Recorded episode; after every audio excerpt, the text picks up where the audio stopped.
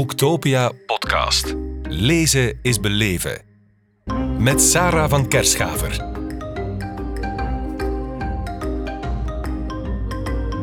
Frederik Bakkeland, welkom in onze podcast op Boektopia in Kortrijk. Uh, dankjewel om mij uit te nodigen. Dat is met plezier. Je maakte een, een geweldig mooi en groot boek, Epic Rides, uitgegeven bij Lano. Um, ik vind het fascinerend hoeveel mensen in één uh, hier voor mij zit. Uitgever, hoofdredacteur van het tijdschrift Grinta, journalist, auteur en vooral ook een fanatiek fietser. Veel is hetzelfde. Hè? Auteur, schrijver, uh, bescheidenheid. Hoofd, uh, hoofdredacteur enzovoort. Veel, veel zit een beetje in hetzelfde. Maar, ja. Want als ja. je de fiets wegneemt, stort het dan allemaal in elkaar? Of? Goh, ik zal wel mijn plan trekken, zeker. maar, maar, maar de fiets is wel een rode draad door hetgeen ik allemaal doe. Ja. ja mijn lief wilde weten hoeveel kilometers fiets hij op een jaar. Dat valt eigenlijk nog wel mee hoor. Want uh, er is nu zoiets als sociale media. En als je dan, een, ja, gezien mijn beroep, hoofdredacteur van twee fietsbladen en dergelijke, mm um, verschijnt er nog wel eens een, af en toe toch wel een keer een fietsfoto op. En dan denkt men dat ik altijd fiets, elke dag opnieuw. Maar uh, ja, uitgever zijn van twee bladen, hoofdredacteur zijn, mm. vergt ook heel veel bureauwerk en geregel en coördinatie en, en, en veel op de baan zijn met de wagen. Dus uh, dat valt nog dik tegen. Oké, okay, minder, minder dan minder gehoopt. dan men denkt. Ja, ja. Ah, dan gehoopt okay. ook misschien, ja. ja. Nu, uh, Epic Rides in het wiel bij acht superkampioenen. Dat zijn twee overtreffende, overtreffende trappen. Hè. Je hebt Epic en dan de superkampioen. Op welke manier heb jij jezelf proberen overtreffen door dit boek te maken? Maar het gaat, het gaat niet, niet per se over mij natuurlijk in dit boek, hoewel sommige recensenten dat dan denken, dat, dat, dat, dat, dat, uh, dat het een uh, verheerlijking is van mezelf, en dat is zeker niet het geval. Nee, nee, zeker niet. Uh, eigenlijk ben ik altijd al super geïnspireerd geweest door, door grote figuren of door, en ook door biografieën. Lees, lees ik ook graag een biografie. Ehm, en ook in het wielrennen, een, een wereld vol met verhalen ja, worden die verhalen ook geschreven door de grote, grote superkampioenen. En soms doen die van die fenomenale zaken, epische dingen. En dan moet je natuurlijk kijken, wat is, het, wat is de definitie van epic, van mm episch? Daar begint het natuurlijk bij. En dan zie je toch wel ook wel daar dingen terugkomen in al die geselecteerde ritten. Want het zijn allemaal wielerritten uit een ver verleden en een recenter verleden die ik heb geselecteerd uit de wielergeschiedenis om diverse redenen. Soms is het een weergaloze solo van een renner. Soms is, er, is het een rit die in, in verschrikkelijke weersomstandigheden is gereden en net daarom episch is of, of heldhaftig of uh, heroïs is. Maar het, uh, elk van die ritten hebben um, heel veel verhalen, anekdotes eraan gekoppeld. Zeker de oudere ritten, mm -hmm. uiteraard, omdat die, die, uh, er is meer fantasie mogelijk daar ook. En, en uh, goed, uh, er, is, er is minder over geweten, er is minder beeldmateriaal over, maar ze zijn wel meegegaan in, in de overlevering. Het spreekt ook soms meer tot de verbeelding. We zien jou op de fiets zitten. Je hebt dan zo'n mooie, dure winters, uh, windstopper aan. Uh, en een mooi pakje. Terwijl vroeger dan zag je zijn wollen mutsen en, en met handschoenen. Uh, ja, was het vroeger dus zwaarder? Er, er is, er, ja, dat is een heel belangrijke vraag. Was het vroeger zwaarder? Was het vroeger epischer dan nu? Was Brik Schotten epischer dan Remco Evenepoel? Of was mannen die de, die de Tourmalet stapten vaak in 1925, omdat ze niet boven geraakten met die versnellingen enzovoort, was dat epischer of heroïscher dan, dan wat we nu zien op, eh, op de tourcalls. Um, ja, er is veel veranderd. Versnellingen, wegen, uh, kledij. Uh, ik heb er daar heel vaak een discussie over met uh, José de Kouwer, mm -hmm. met wie dat ik dan een, een show doe, eigenlijk een soort afgeleide, een spin-off van dat boek Epic Rides. En daar gaat het vaak over, wat is nu zwaarder, vroeger of nu? Hij zegt dat het vandaag veel zwaarder is voor renners, omdat renners veel meer mentaal op de proef worden gesteld. Mm. Uh, veel meer van hen wordt verwacht. Vroeger, uh, ik durf dan een beetje tegengas te geven, omdat vroeger als je, als je dan die, die kledij in die wollen truien die dan doorzakten tot over je zadel als het geregend had en dan bleef je hangen. en weet ik wel allemaal, of, of die, die, die zooltjes van die fietsschoenen die... Ja, dat is niet vergelijkbaar met die, die lichte fietsschoenen met carbonzolen van vandaag. Dat, het is comfortabeler geworden, het fietsen, maar het wordt op een andere manier zwaarder. Ja. En vroeger was het een, een lang uitgesponnen pijn fietsen. Een, een, trager wielrennen.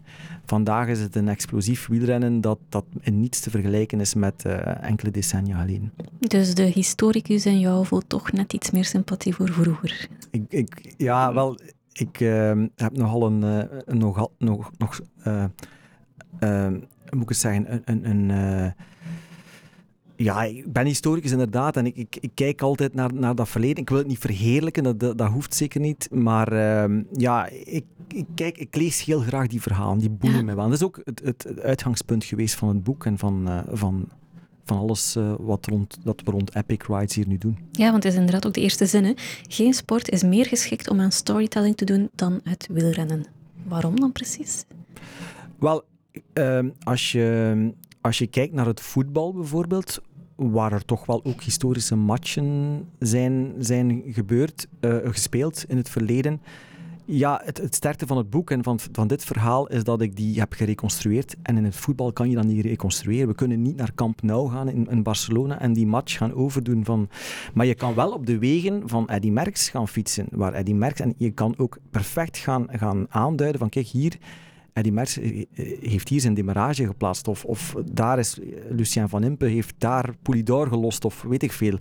Dus, dus eh, dat is de charme en, en de sterkte van het wielrennen. Dat het zo tastbaar is en dat het zo aanwijsbaar is. Mm. Als je een oude, dat is ook zo'n een, een, een fetish van mij, oude, oude wielerfoto's, historische foto's. Exact die plaats trachten terug te vinden. Met dat gaat, begint dan met Street View, maar dat gaat dan naar de locatie zelf dan. En dan, dan probeer je dat. dat met, ik heb daar zo een, een, eh, een, een, running joke met mijn fotograaf om dat te reconstrueren, dan dat beeld. Dus dat, dat heeft zoiets van fascinerend en iets, ja. Ik voel een, eh, een fascinerende combinatie van trots en schaamte als je dat vertelt. Ja, ja, oké. dat is waar. Dat is terecht. het is mooi. Ja, je bent ook zelf de fiets gekropen. Hè? Um, ja. Wat vond jij de zwaarste rit? Uh, ze hadden allemaal wel iets bijzonder en zwaar, maar ehm, ook gezien de omstandigheden, uh, soms in, in, in de hitte.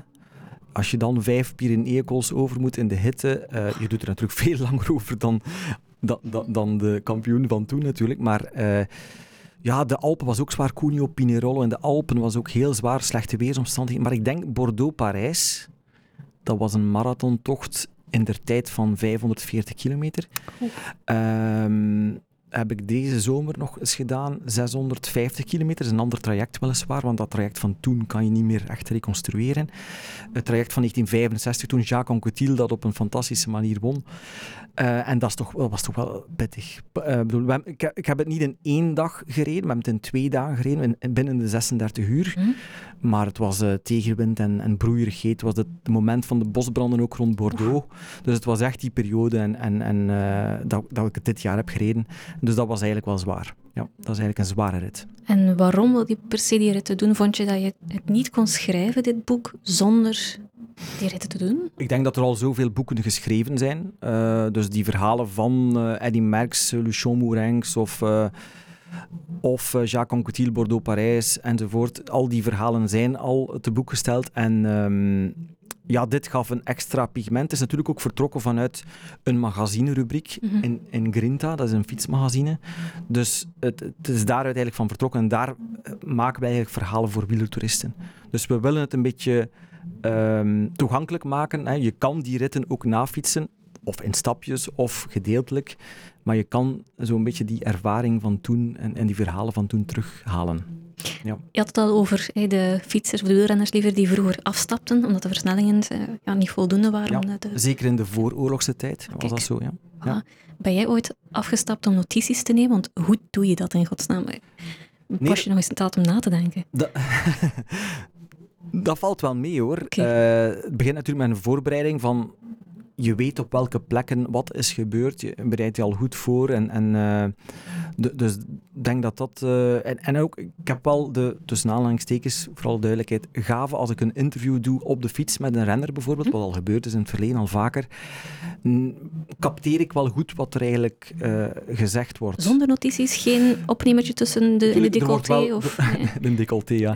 nee, um, nadien of voorafgaand is er wel nog een gesprekje van een half uur natuurlijk. Maar wat er qua sfeer gebeurt en gezegd wordt eh, in die rit, dat capteer ik wel goed. En dat, wordt, dat probeer ik wel goed. Met ouder worden gaat dat misschien minder, maar, maar uh, tot nu toe lukt het wel. Ja. Mooi, chapeau. Wat hebben al die ritten uh, jou geleerd over jezelf? Ik weet dat het boek eigenlijk niet over jou gaat, maar toch, je komt jezelf toch wel een beetje tegen. Uh, ja, ik bedoel dat ik maar een zeer kleine garnaal ben. Hè. Allee, dat, dat, dat... dat is een les in nederigheid. Ja, natuurlijk. Ja, dat is, uh, maar goed, ik moest die les niet krijgen. Ik wist dat wel. Ik wist dat, dat, dat, dit is echt wel het, de crème de la crème van... Uh, de fine fleur van, van, het, van de wielerritten die ik daar geselecteerd heb, of trachten te selecteren, op basis van de hoogste criteria. Dus dat zijn eigenlijk de topritten. Goed, een deel daarvan is misschien voor discussie vatbaar. Vinden sommige mensen misschien minder episch. Dan, en er zijn er nog mogelijk, hè. Misschien, maar misschien komt er nog wel ooit eens een vervolg op dat boek. Wel, achteraan som je nog elf uh, epische ritten op. Ja, die het niet gehaald hebben in de selectie.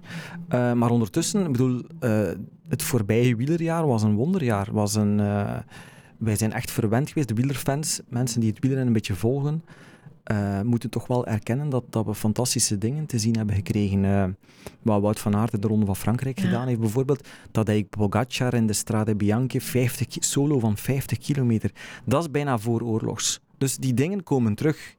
Die, die, die extreme epische dingen die, die Merckx deed, die, die Copy deed, uh, die komen schijnbaar terug. Dus de nostalgicus in mij is zeer blij. Want ik kan altijd teruggrijpen naar natuurlijk die verhalen. Als de Ronde van Frankrijk dit, uh, deze week wordt voorgesteld, zie je ook weer dingen terugkomen. De Puy de Dôme is daar terug.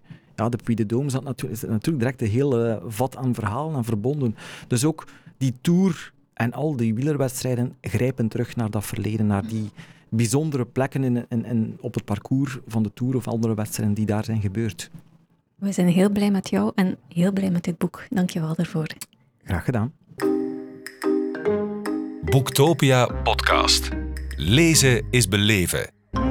Beluister ook de andere podcasts live opgenomen op Boektopia 2022. Nu via je favoriete podcast-app.